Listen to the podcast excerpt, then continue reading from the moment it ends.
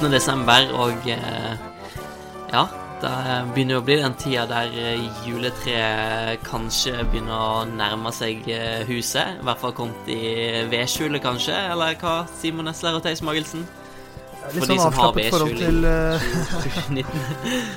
ja, altså, for, for, for, min del så skal julen feires på hytta. Så da er det viktigste at man har et juletre der. Det pleier bare å bli kjøpt på en eller annen, utenfor en eller annen, en eller annen butikk på Hovden.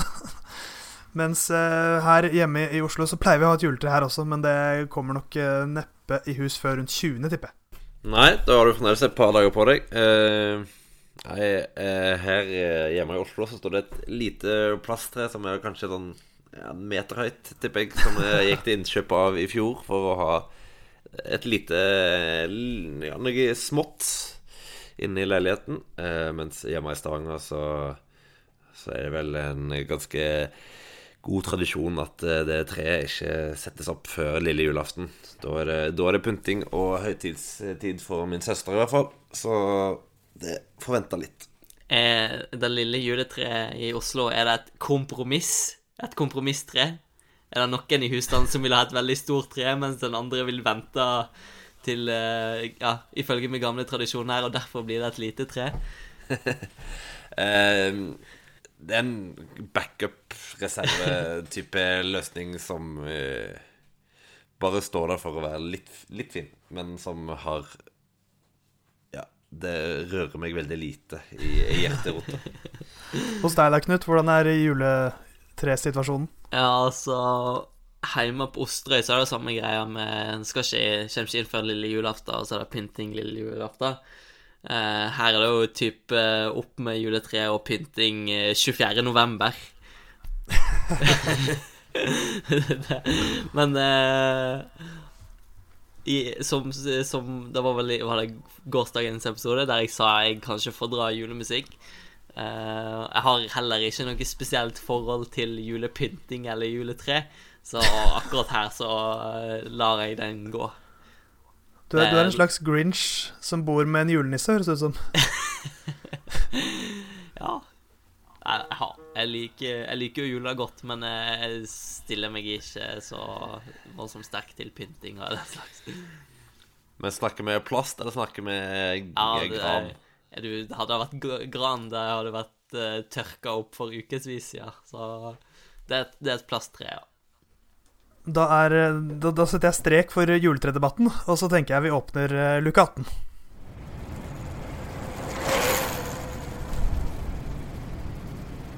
Bak uh, luke nummer 18 så finner vi det som uh, vi i Musett-redaksjonen mener uh, har vært den femte beste damesyklisten i 2019. og det er en rytter som, som er vant til å se i toppen av egentlig av alle ritt hun kjører men som kanskje ikke har uh, sittet igjen med de aller største seirene i år. Hun har blitt nummer to i, i VM, både tempo og fellesstart, og nummer to i Giro Rosa. Så det er litt bak det det kunne vært. Mangler den aller, aller største seieren, men et ritt hvor hun alltid, alltid får seieren, er jo Flesh of Lond. For femte året på rad så, så vant du den belgiske klassikeren. Eh, var et eh, felt som kom relativt eh, samla inn i eh, Murdoui, og der eh, var det først Kasian Neviadoma og, eh, og van der Breggen eh, sammen med Annika Langbad som angrep ja, relativt midtveis. Og derfra viste van der Breggen seg som den sterkeste. Annemiek van Fløyten kom veldig sterkt på slutten, men det ble et sekund eller to for langt opp, og dermed altså van der Breggen for femte året på rad. Så det får være den eh, kanskje største seieren i et år hvor det ble mye nummer to. Men hun tar da eh, og rykker fra Alejandro Alverde. Han klarte vel bare fire på rad. Eller bare, sier jeg. Han klarte fire på rad. Ikke bare, han klarte fire på rad. Men van de Breggen hun hevet, hevet den til fem. Så nå er, leve, nå er lista, lista, hevet. Så vinner hun jo også Tour of California sammenlagt. Vinner en etappe i Giro Rosa. Så, så det, det, blir litt nesten, men, men, det blir som regel nesten for de aller fleste når de sykler mot Annemiek van Fleuten. Men uh, van de Breggen viser jo da i uh, Flesherland at hun fortsatt kan slå uh, selveste van Fleuten. Ja, og herregud, for en klasserytter. Og eh, husker du å flette inn historisk, Simon? Det er alltid viktig å få med historisk eh, Nei. Det var jeg som burde gjort det på Val Val Valverde-biten. Ja. Men det var jo en historisk bragd. Historisk bragd, ja. Så eh, den Ja, hun er jo alltid stort sett alltid i toppen i alle ritt hun sykler omtrent, og Ja, formidabel sykkelrytter. Ja, Så er hun også en sånn som har begynt å liksom utforske litt andre grener i sykkelsporten. Har sykla litt terreng, sykla vel uh, Cape Epic og litt sånne ting. Uh, har vært på en, en lang uh, sånn, hva skal man si, sykkelturistferie i USA i år, så vidt jeg har skjønt, etter sesongslutt. Og, og er en rytter som som det, det, det, svirrer litt rykter i nederlandsk sykkelpresse osv. om at hun kanskje ikke skal holde på så veldig lenge. hun er bare 29 år gammel, fyller 30 neste år. Eh, det er siste sesongen til Bås Dolmans. Uh, ingen som vet om det blir hennes siste sesong, men det kan fort bli det. Uh, er en sånn rytter som jeg ikke blir overrasket om legger opp litt tidlig, selv om jeg selvfølgelig håper hun holder på i år etter år etter år, for jeg er veldig glad i, i henne som syklist.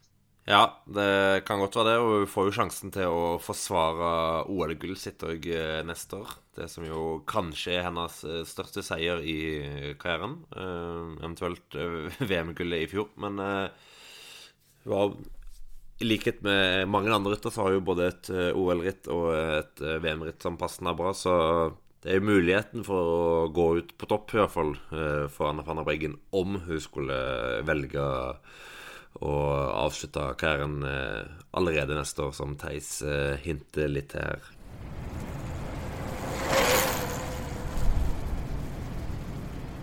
Vi har kommet til den sjuende beste herrerytteren i 2019. Det er ja, Vi kan spoile og si at det er vel den uh, siste spurteren som er inne på våre lister i år. Han Jeg har I hvert fall på én av listene. Ja, på, ja, på en av listene. uh, og uh, han uh, debuterte i Tour de France i år med stor bravur. Og høydepunktet kom på i spurternes Mekka på Champs-Élysées på den 21. etappen den 28. juli.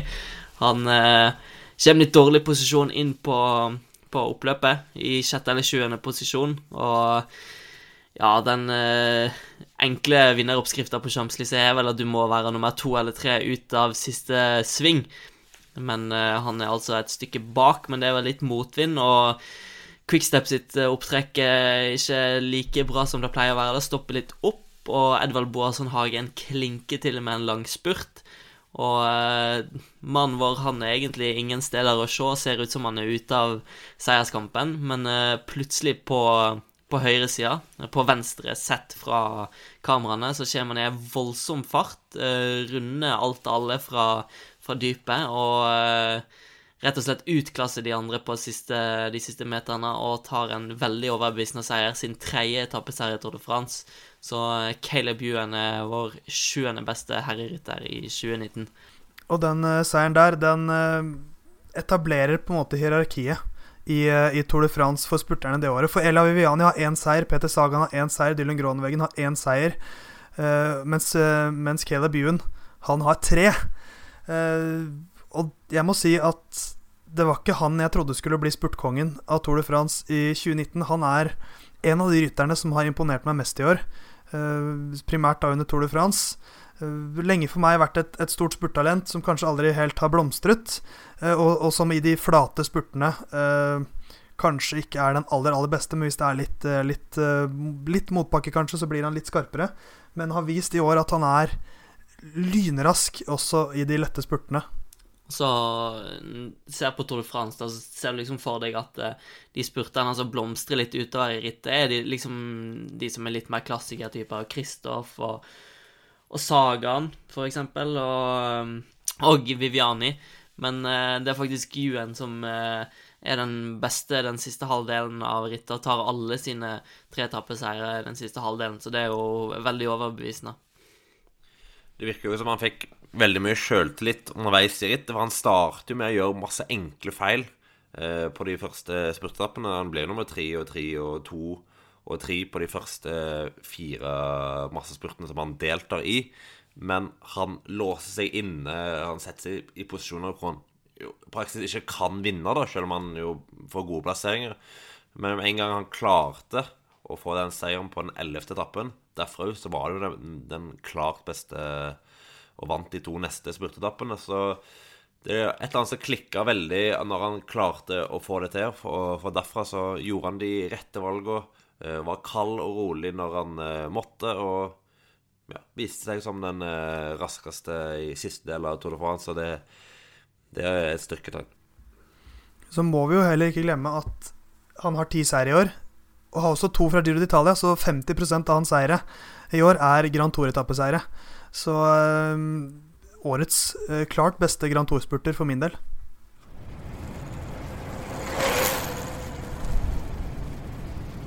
Det var to nye ryttere presentert i vår kalender. Det kommer en ny allerede i morgen. Og husk å delta i vår konkurranse, der du kan vinne ei Bioracer sykkeltrøye til verdi av 1600 kroner. Gå inn på Facebook og kommenter på posten vi deler i julekanalen vår. Del dine tre beste kvinne- og herreryttere. Er De tre beste internasjonale på kvinne- og herresida i 2019. Og så er du med i trekninga. Så er vi på plass med en ulykke i morgen.